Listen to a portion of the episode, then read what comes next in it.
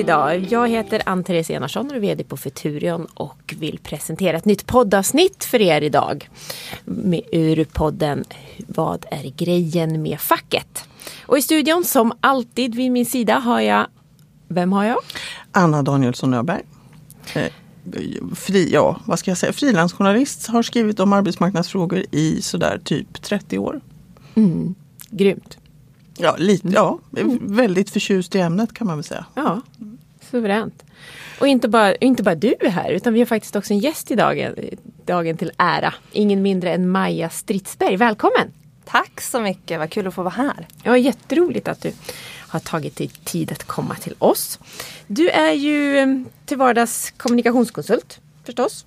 Men, eller förstås ska jag säga, men, men det är du. Eh, men eh, framför allt som har gjort oss nyfikna på dig och bjudit in dig idag, det är för att du har ju, du är ju en, liksom en fena på att skapa, hitta engagemang, kanalisera, mobilisera och organisera människor helt enkelt. Och, ja, du, bland annat, inte minst, då, sista briefen med anledning av metoo var du vad var, vad, vad, var, vad var din roll? Berätta själv. Ja men precis, sista briefen, eh, kommunikationsbranschens metoo-upprop. Gud med en sån mm. inledning så rådnar man ju nästan borta.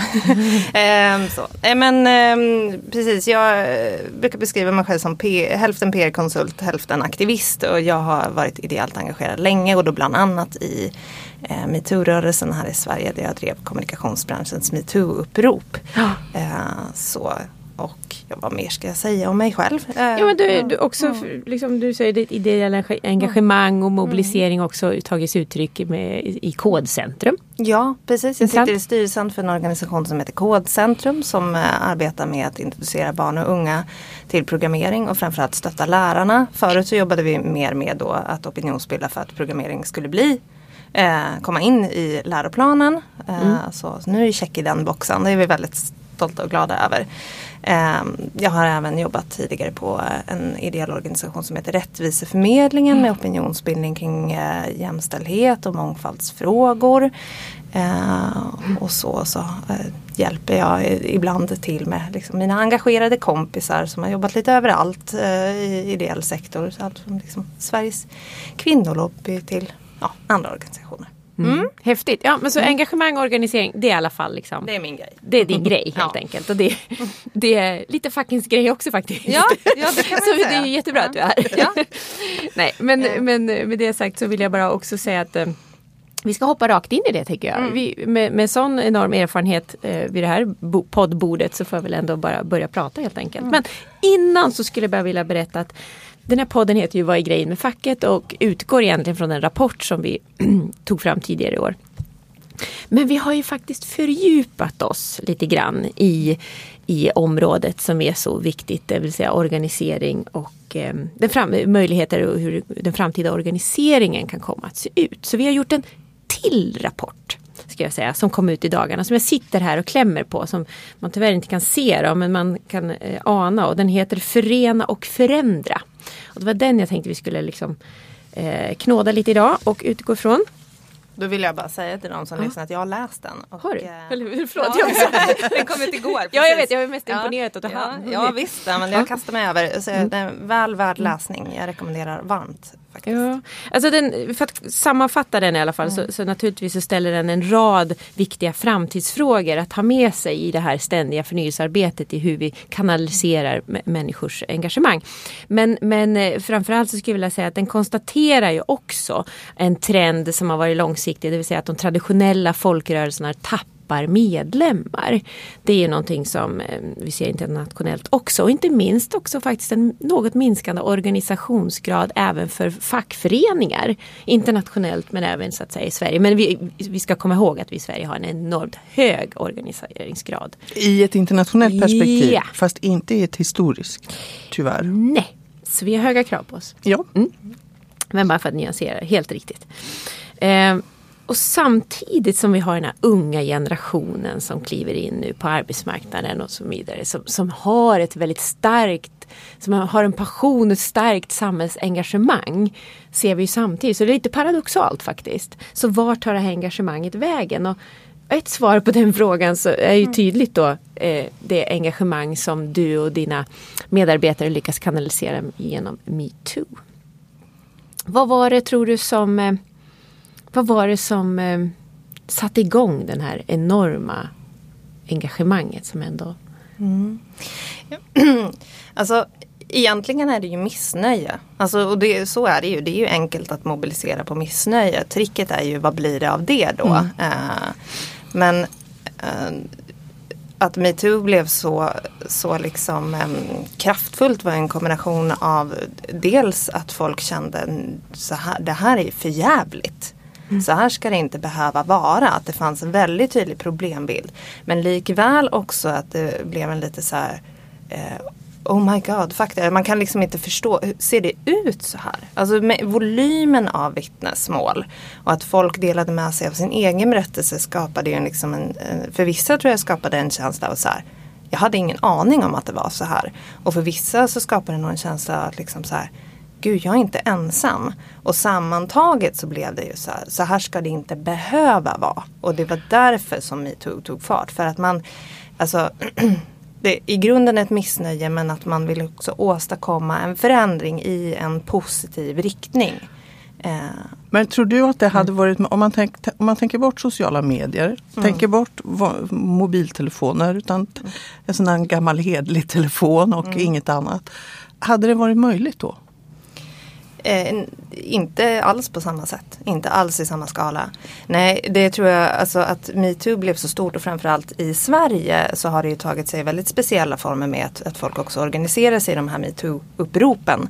Eh, det är ju just för att vi ligger digitalt väldigt i framkant eh, och alla har mobiltelefoner och att det är lätt att kommunicera och sprida. Men också just det där, alltså det är ju något med det där rent visuella. Alltså, jag vet inte hur det såg ut i era flöden men mitt flöde så var det bara så här vän efter vän efter vän som bara metoo, metoo, metoo, metoo. Och det hade inte riktigt gått. Alltså vart skulle man ha, ha åstadkommit den, den liksom chockbilden framför ögonen? Hade man gått och satt affischer eller liksom hade man ringt, skapat telefonkedjor? Så nej, det digitala är, är absolut en förutsättning för varför metoo blev så stort. Mm.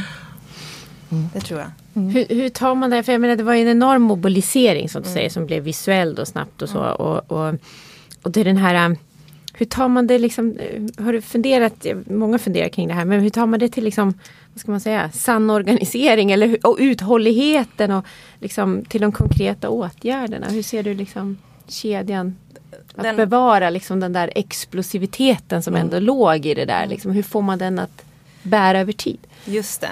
Har du funderat kring det? Ja, eh, det deppiga svaret är ju, är ju helt enkelt att det där är, är ju att gå från liksom eh, mobilisera ett, ett brett nätverk och bara av engagerade människor till att skapa liksom trycka in det i en organisationsform är jättesvårt.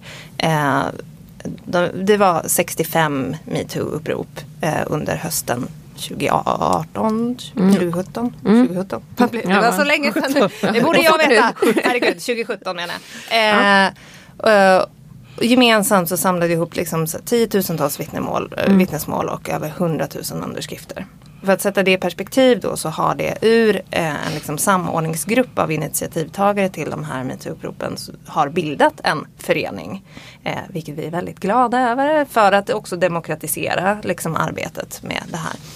Eh, och vad kan vi vara? Max 100 pers. Så från 100 000 till 100 det är, det är mm. en jättehög konverteringsgrad. Mm. Så.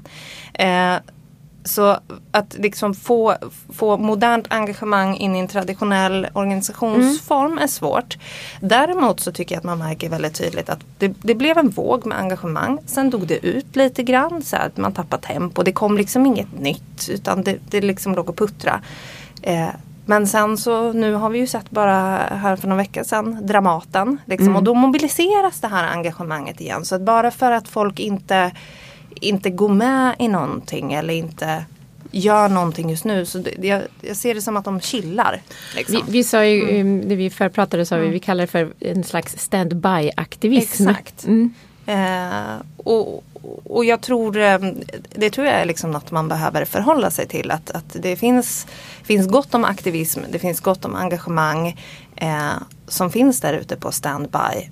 men det är rejält svårt att locka in i former. Liksom. Men, men, utifrån mitt perspektiv så ibland, mm. ibland kan jag, alltså jag metoo var ju givetvis hur häftigt som helst. Jag menar man är, mm. man är inte klok om man inte tycker det. Mm. Framförallt inte om man är kvinna, givetvis.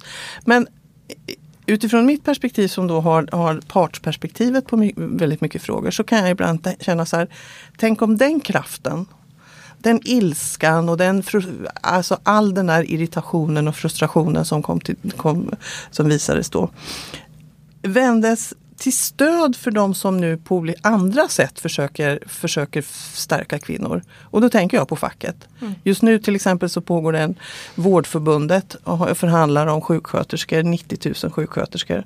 Mm. Och kämpar, får inte någon uppmärksamhet. Deras krav är rätt så långtgående och säkert för långtgående tycker en del. Men lönefrågor, att stärka, eh, få bort löneskillnader mellan kvinnor och män, det är ju en jätteviktig fråga i metoo-sammanhang för att stärka hela, hela kvinnans roll i samhället och så.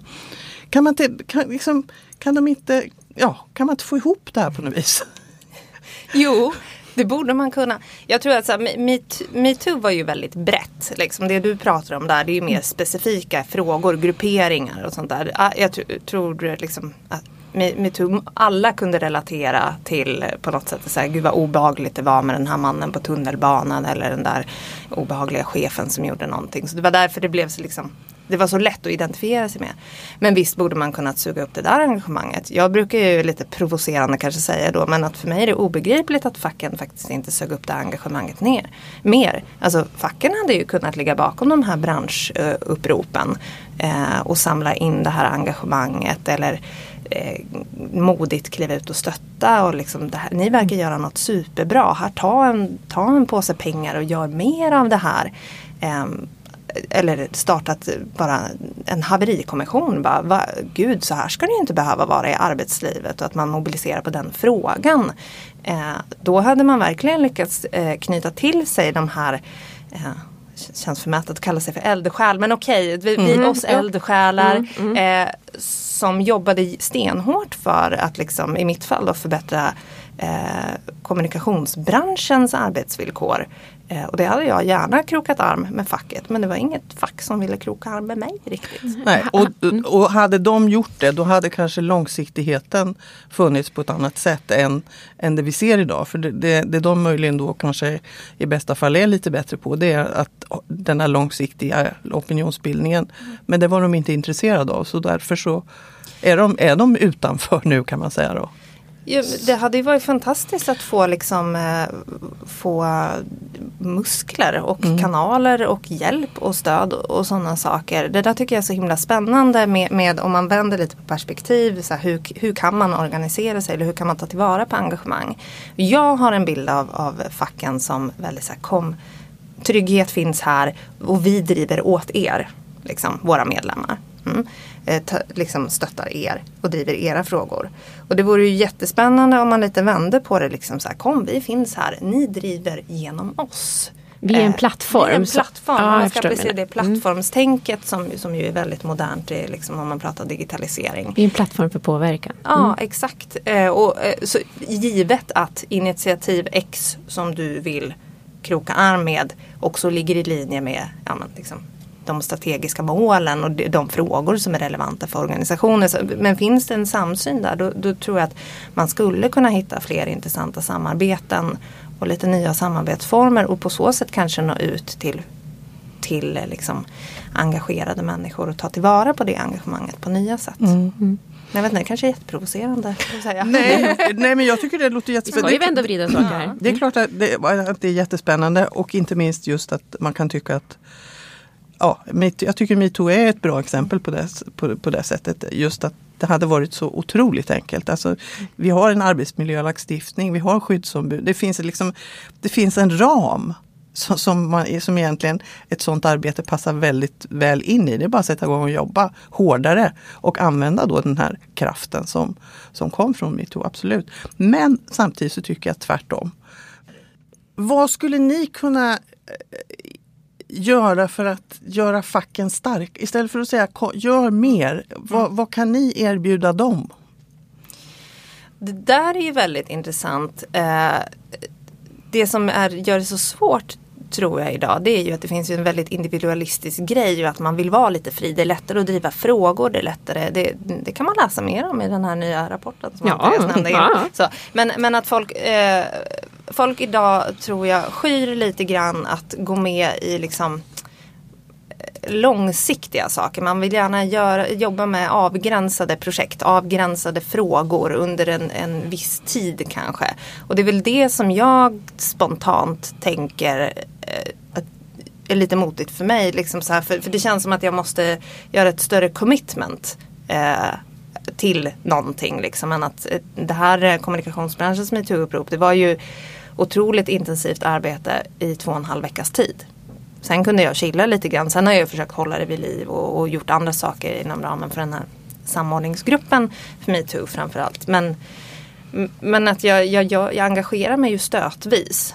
Eh, så om jag ska kunna hjälpa facken med något så behöver, behöver det på något sätt tillgodoses. Att jag kommer inte nödvändigtvis kunna komma på möten varannan månad eller liksom i, i någon färdig form utan jag har tre dagar nu.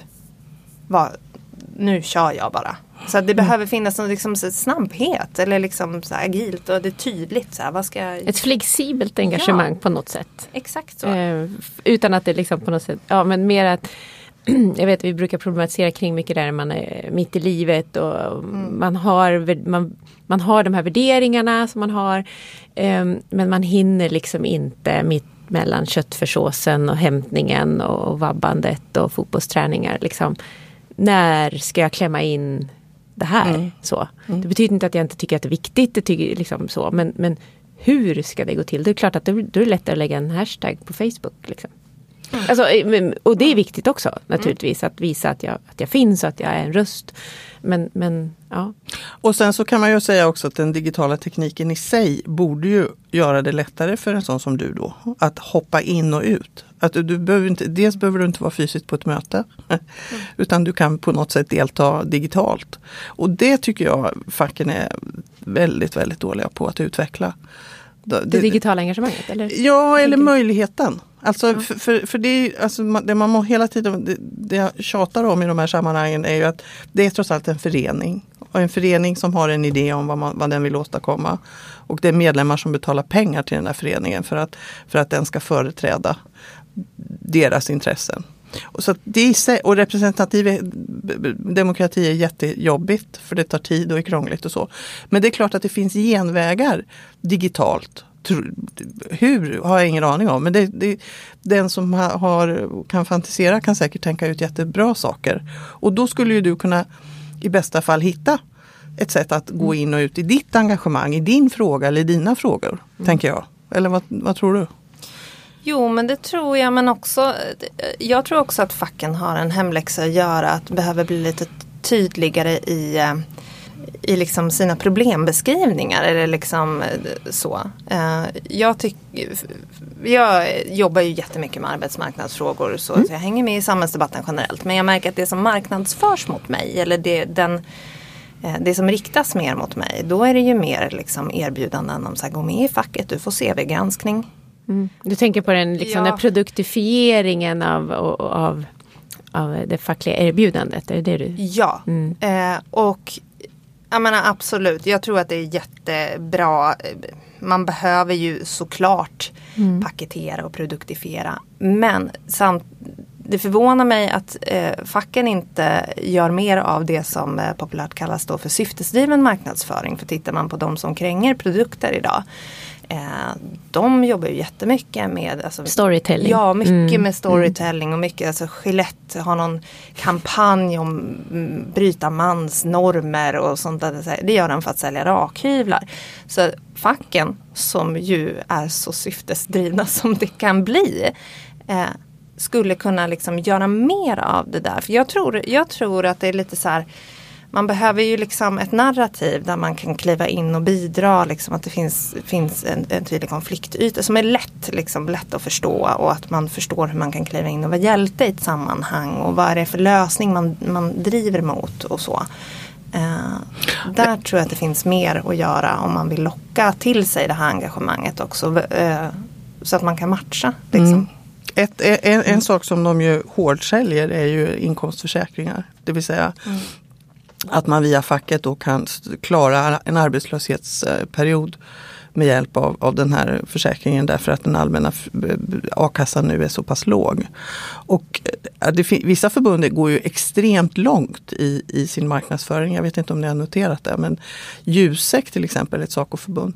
De skriver till och med i reklamen ha en bra lågkonjunktur tror jag det heter eller något. Det vill säga alltså det är verkligen att hårdsälja en produkt. Mm. Och jag kan hålla med dig om att frågan är men, men måste man välja då? Jag tänker så här att jag vet att många fackförbund har ju verkligen gjort sin läxa ordentligt. Man har tittat på, man frågar sina medlemmar. Vad vill du att vi ska jobba för dig för? Vad, vad vill du ha? Vad vill du ha hjälp med? Eh, och då är det ju faktiskt många som vill ha just det här. Bland annat. Och så, och så finns det självklart som hos, hos alla vi pratar om, hos Gillette också finns det alla möjliga mm. kundkategorier, segmentering, man vill ha olika saker, man går igång på olika saker. Måste man inte ha en hel palett då som fackförening? Jo, det absolut, men det finns massa problem med det där. Ett, ett är till exempel att facket i, i, i sin strävan att få många medlemmar tar ett ansvar som kanske staten borde göra istället. Och vad händer om, om, om facken börjar ta mer och mer? Ja, alltså det, mm. det, där mm. kan man hålla på med hur länge som helst. Men ett annat eh, eh, bekymmer som ju också tas upp i den här eminenta rapporten är att om, om medlemmar om någon blir medlem i eh, ett fackförbund för en inkomstförsäkring, vad händer om det fackförbundet sen måste gå ut i konflikt?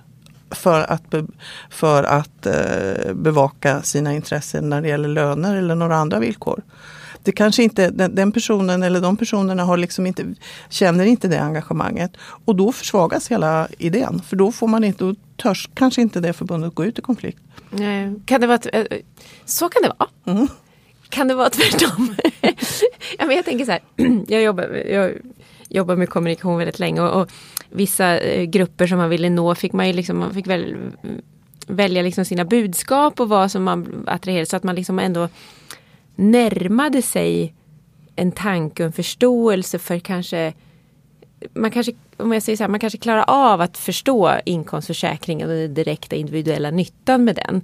Men att då var man liksom i, i hängnet, man var liksom mottaglig för man var ju medlem ändå. Och att man därigenom kunde bli mottaglig för fler, kunde bygga på argumenten mm, så att man mm. liksom man ser en liten pusselbit innan man ser hel, helheten. Man säga. lockar in på en fråga och så får, hoppas man att det går bra med resten. Eh, men ja, kan... så kan man se det. Men man, kan Nej, men man kan bli mer mottaglig förståelse när man börjar tänka på frågorna. Ja, men jag bara tänker så här, alltså det är det som är grejen med facken och jag är så himla mycket bra. Vi har inkomstförsäkring, vi har tjänstepension. Ja, så himla mycket bra grejer. Ja, så mycket bra grejer.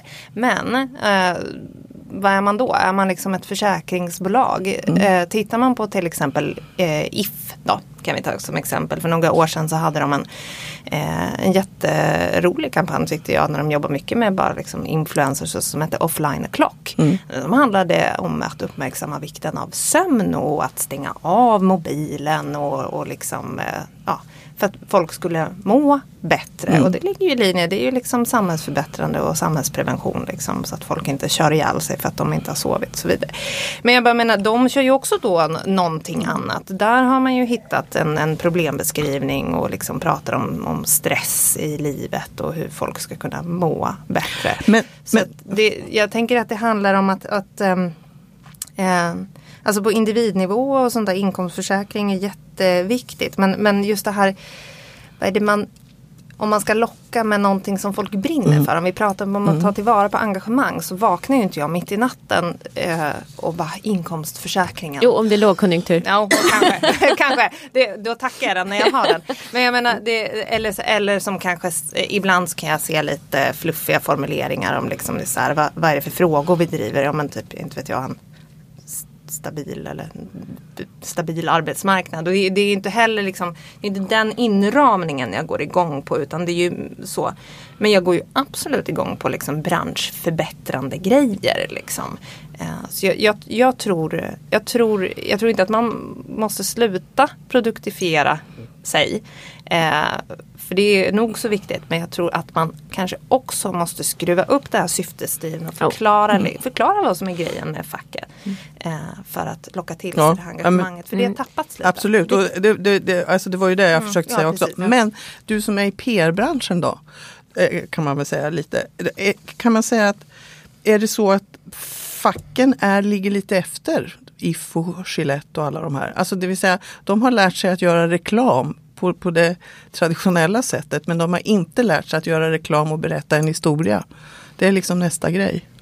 Mm, en del fackförbund är ju jätteduktiga på det där men det kanske, alltså jag, det kanske är mer att man gör det liksom på ett lite otillgängligt svårbegripligt sätt. Liksom för att man, man förklarar det är de här besluten som behövs eller det är det här som behöver göras så att det kanske inte gemene man instinktivt förstår vad det är man skriver i sin debattartikel på DN Debatt. Eller liksom det är bara 3, vad är det, 3 av alla som läser tidningen som ja. läser DN Debatt. Det är mm. sådana som vi och några till. Ja. Tror jag. ja men precis. Så, så, så det... kanske var fel, förlåt DN. förlåt DN. Nej men det, jag, jag tänker att det, det, det, kan ju handla om liksom att man, man kanske väljer ut en passionsfråga som man driver samtidigt som man gör massa andra där man ser att man kan locka till sig engagemang. Och det skulle kunna vara metoo eller det skulle kunna vara jag vet inte, min, mina branschmedier, eh, tidningen Resumé gör jättemånga granskningar om liksom arbetsvillkoren i kommunikationsbranschen, om att folk blir utbrända. Där skulle man kanske kunna, om man var ett fack som organiserar kommunikatörer, det kanske man skulle kunna mobilisera eh, engagemang på, för det är många som absolut inte vill jobba ihjäl sig i den branschen. Och det, det, det ska jag, jag där har jag kikat in lite grann mm. och få delaktig. För där är ju fackförbundet Unionen väldigt mm. så att säga, engagerad. Det, jag, jag har sett att de bland annat faktiskt samarbetar med tidningen Resumé just nu och gör olika både event som beskriver om arbetsvillkoren och vad som är, vad som är hälsosamt och inte hälsosamt. Också för att lyfta in och jämföra mot andra branscher vad man faktiskt har rätt och möjlighet till. Så det, jag, jag, vet att det är klart att det, det är som du säger, det, det bedrivs ett arbete men på olika eh, allt hörs kanske inte lika mycket och syns. Man kanske måste synliggöra. Och, men, men... och hur bjuder man in i det? För det är ju det som är det intressanta. Att, eh, det är lite det här jag menar, så här, vi, vi driver åt er eller ni driver med oss. Alltså, det, eh, det är jättebra att unionen eh, ja, gör massa saker. Ja, man, mm. mm. heja, heja er, heja er ni som lyssnar. Eh, så och, och, eh, och, jag har ju liksom inte sett det här så jag kan inte svara på den frågan. Men det är där det blir intressant. Alltså, hur bjuder man in folk att engagera sig i det här arbetet? Eh, kan man göra det utan att vara medlem? Kan det vara lite kravlöst? Kan man skriva på ett upprop någonstans? Eller liksom, hur, hur förvaltar man det engagemang som finns? Jag vet Fast alltså, jag, samtidigt när ni pratar om just en tidning och Unionen så tycker jag att det, alltså, det är att likna vid vilken det gör alla alla har ju nästan nu egna tidningar där de kommunicerar om, om eh, hur de, vad de gör för medlemmarna. Och där, där pågår det oftast faktiskt en rätt intensiv debatt, insändare och så. Så där är man aktiv. Det jag tycker är svårare och, och som jag tror det finns ett behov av, även om jag nu låter som jag pratar i eget intresse eftersom jag var arbetsmarknadsreporter på Svenska Dagbladet och det är en funktion som inte finns längre på så många tidningar. Mm. Men den övergripande bilden. Varför är det bra med en stabil arbetsmarknad? Jo, en stabil arbetsmarknad gör oss alla tryggare. Vi, vi har en någorlunda bra inkomst. Samhället mår bra. Det vill säga all, om vi kan berätta den historien, då blir inte stabil arbetsmarknad så abstrakt. Men, men vi gör inte det. Och jag tror att det är ett bekymmer. Jo men du, nej, men du har ju helt rätt i det. Men, mm, eh, så, men jag, jag tänker Alltså jag tycker verkligen, jag brukar prata ibland om så här modiga varumärken och det är mm. varumärken liksom som tar ställning i samhällsdebatten. Eh, och där finns det ju enorma möjligheter eh, och risker. Alltså vissa kan ju bli supersura. Eh, för att de inte håller med. Eh, men det finns ju också en möjlighet, alltså om man vill nå ut ur brus, om vi pratar om liksom så här engagemang och, och mobilisera och nå ut till folk. Då är det ju så här, ett, att tar man en tydlig ställning i en viktig fråga eh, så har man ju chansen att få liksom fans, alltså mm. personer som älskar en. Eh, och det är ju en eh, liksom grundförutsättning eh, att man har folk, alltså någon som gillar en liksom, överhuvudtaget för att man ska kunna bygga vidare på det och förvalta engagemang. Eh, och, och, så då måste man ju, eh, och det är ju då kommunikationen kommer in och blir så himla viktig. Men dels så måste man hitta en liksom begriplig och enkel inramning utan att fördumma eh, naturligtvis.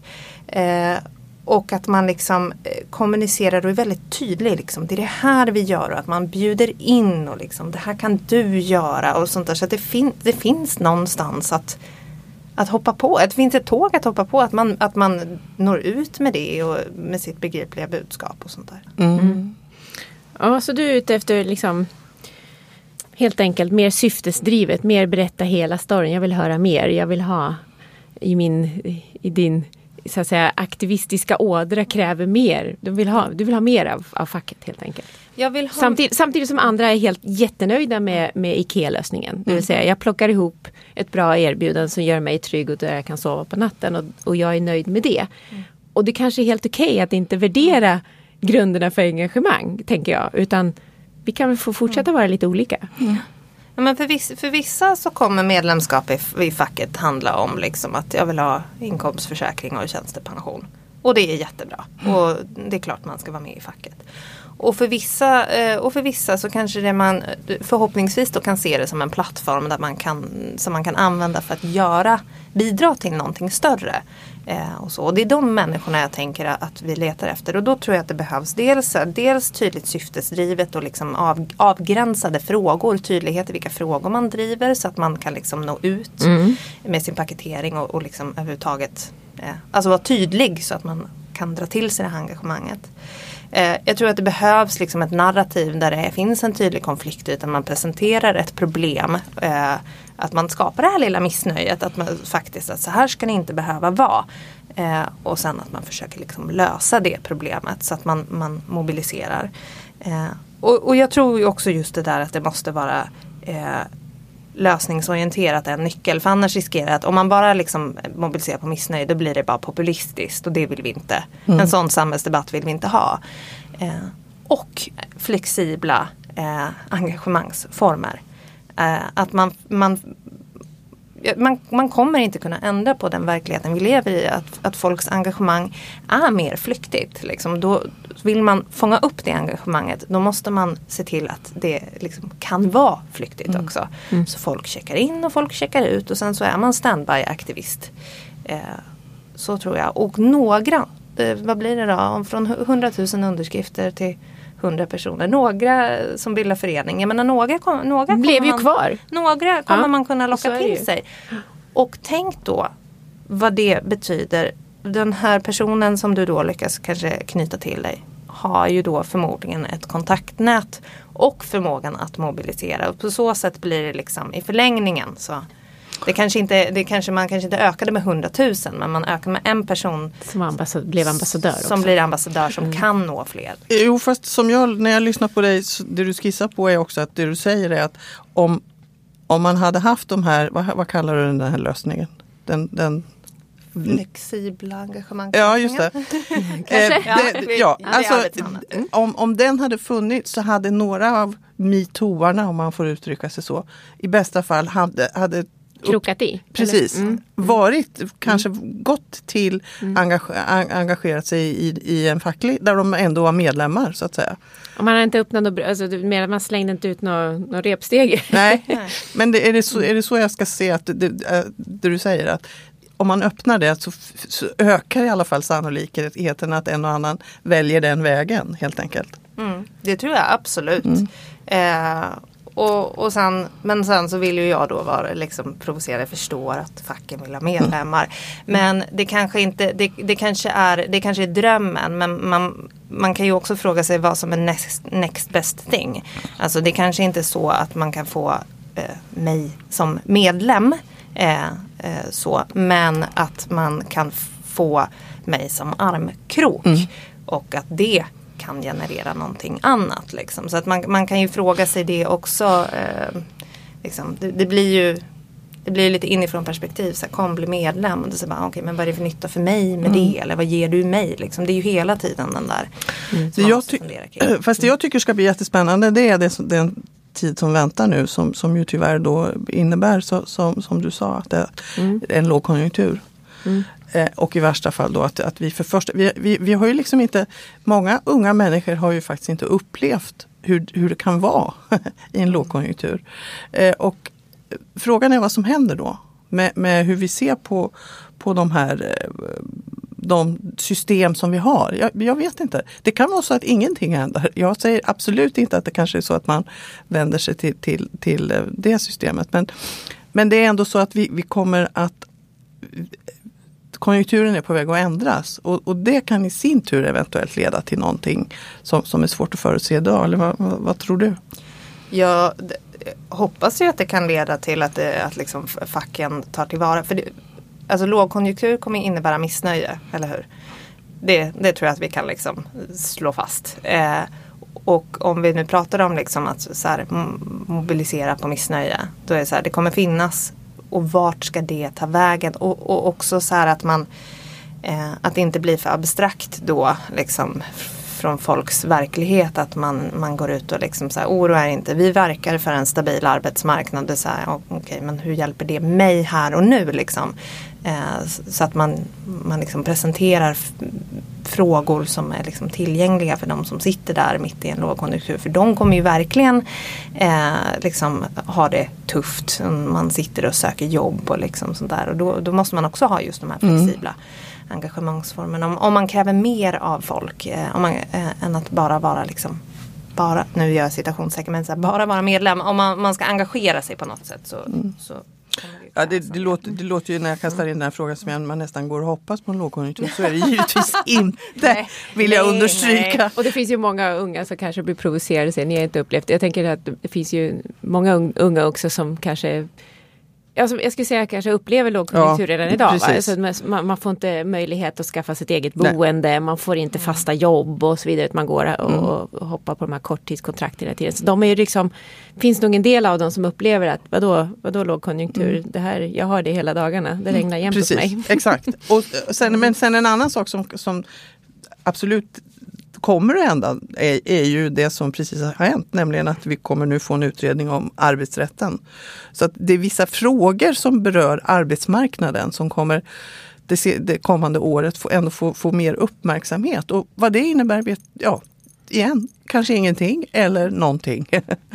Nej, det är sant. Mm. Nej, det, det är spännande. Jag tror att det viktigaste är att vi fortsätter att, liksom att diskutera det här vad, vad, och, och uppmärksam på hur engagemang tar sig olika former i samhället. Så att hela tiden, framförallt då fackförbunden, är tillräckligt på tårna, nyfikna men också så att säga se till att inte, att kunna vara, och det är ju liksom hela eh, eh, vad, vad, vad, organisationer och näringsliv jobbar väldigt mycket med idag. Det vill säga att kunna snabbt Eh, ställa om till nya förutsättningar. Då tänker jag, där vi började idag med metoo-rörelsen, att snabbt då kunna mobilisera och fånga upp. Att inte vara så fången i sin, organ, liksom i sin organisation eller struktur och verksamhetsplanering, att det liksom inte får plats eller att möjlighet när, no när någonting kommer så att säga plötsligt och farande och med, med den digitala tekniken och verktygen eh, eh, får sån otrolig eh, spridning och både geografiskt, globalt och så vidare.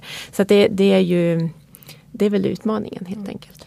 Då tänker jag, men jag skulle vilja um, se om vi kan um, spåna lite fram här nu då. 2040 om jag får bara kasta ut ett sånt där Oj. tal. Eller 2050, vad känner du för?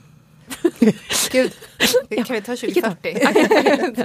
ja. men hur ser ett medlems, medlemsmöte ut då? Hur skapar vi, hur, hur, tror du, hur skapar vi engagemang för en sakfråga då? Är det fortfarande, har vi en hashtag? Jättestor, flera hashtags. Vad har vi?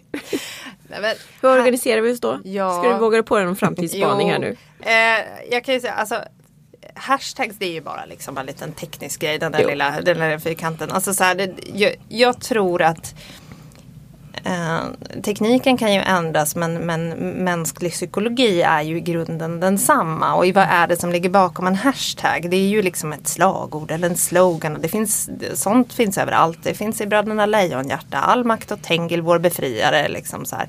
Det, det, så man kommer fortfarande oavsett eh, om man gör det digitalt eller om man eh, träffas i fysisk form så handlar det om att så här, hitta någonting, liksom en, en, fråga som folk verkligen känner starkt för att så här, så här ska det inte få vara, det behöver vara på något annat sätt. Vi vill verka för någonting bättre, någonting större.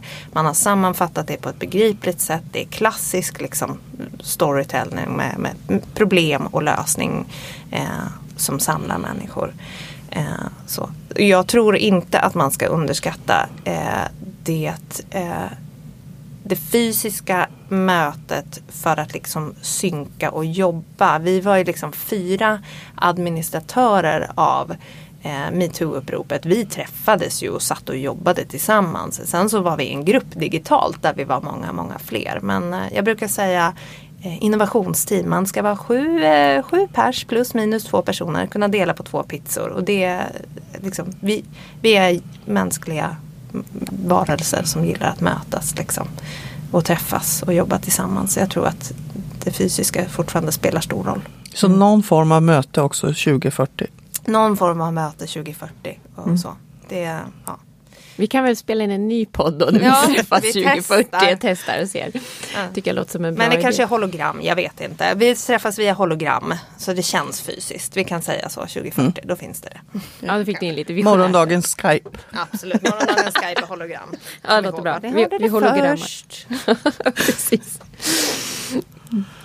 Om jag bara får skicka med liksom en, en tanke eller en sak, då är det ju att fundera lite kring, jag kallar det ibland för engagemangstrappa. Men, men så är det ju att vissa personer, eh, jag brukar använda en modell som heter N990-modellen över liksom folks engagemang på internet. Och då är det så här 90 procent är den breda publiken. De kanske likar och interagerar med det du gör men inte så mycket mer.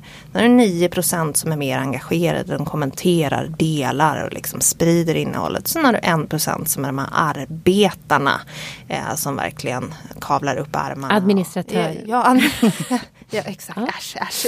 Nej men jag menar så här. Och, och, och eh, fundera kring liksom så här, vad, vad eh, om man, vill, om man vill ha folks engagemang, att man också tänker att det, det kan inte bara finnas en nivå av eh, hur man tar tillvara på det. Det måste finnas lite olika nivåer. Liksom. Alltså man tänker small, medium, large eller liksom så här, eh, superenkelt, kräver lite mer, kräver jättemycket. Eh, för så ser verkligheten ut och sen så kan folk hoppa lite mellan de där nivåerna mm. beroende på om man har mycket att hämta och lämna och, eller om man har några dagar över. Så, så tänk, tänk liksom engagemangstrappa. Det mm. skulle mm. jag vilja skicka med. Mm. Tack för alla dina engagerade både tips, eh, problematiseringar, frågeställningar och medskick. Det var väldigt intressant att få lyssna till dig. Tack, tack, tack, tack för att jag fick komma. Ja, Engagemangstrappa, det får man ta med nu. Ja, ja. Fast nu, hörni, nu ska vi avsluta den här podden och sen ska vi ta hissen ner till solen. Ja, ja. det ser jag mycket fram emot. Tack för idag. Hörni. Tack, tack. för idag.